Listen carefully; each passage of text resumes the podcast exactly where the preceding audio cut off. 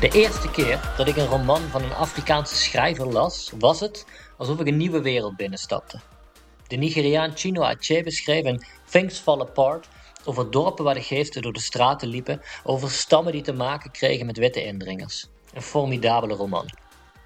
En daarom hebben Roman Elinsky en ik, Danielle Klion, besloten de handen ineen te slaan en tijdens de Africa Cup of Nations 2023 onze twee passies te combineren: voetbal en literatuur. En dat doen we in de podcast Yakwa. Yakwa betekent wat is er gebeurd in het Nuchi, een dialect of als slang uit die voorkust. In Yakwa praten Danielle en ik je bij over de ontwikkelingen op de Afrika Cup en over de literatuur van het continent. Elke aflevering tippen wij een boek uit een van de deelnemende landen. Danielle voert je mee naar de wereld van de Afrikaanse fantasy en ik vertel je kort over een klassiek werk, zoals het prachtige Things Fall Apart van Achebe. Verder is het Yakwa natuurlijk chockvol voetbal. We beschouwen alle gespeelde wedstrijden na.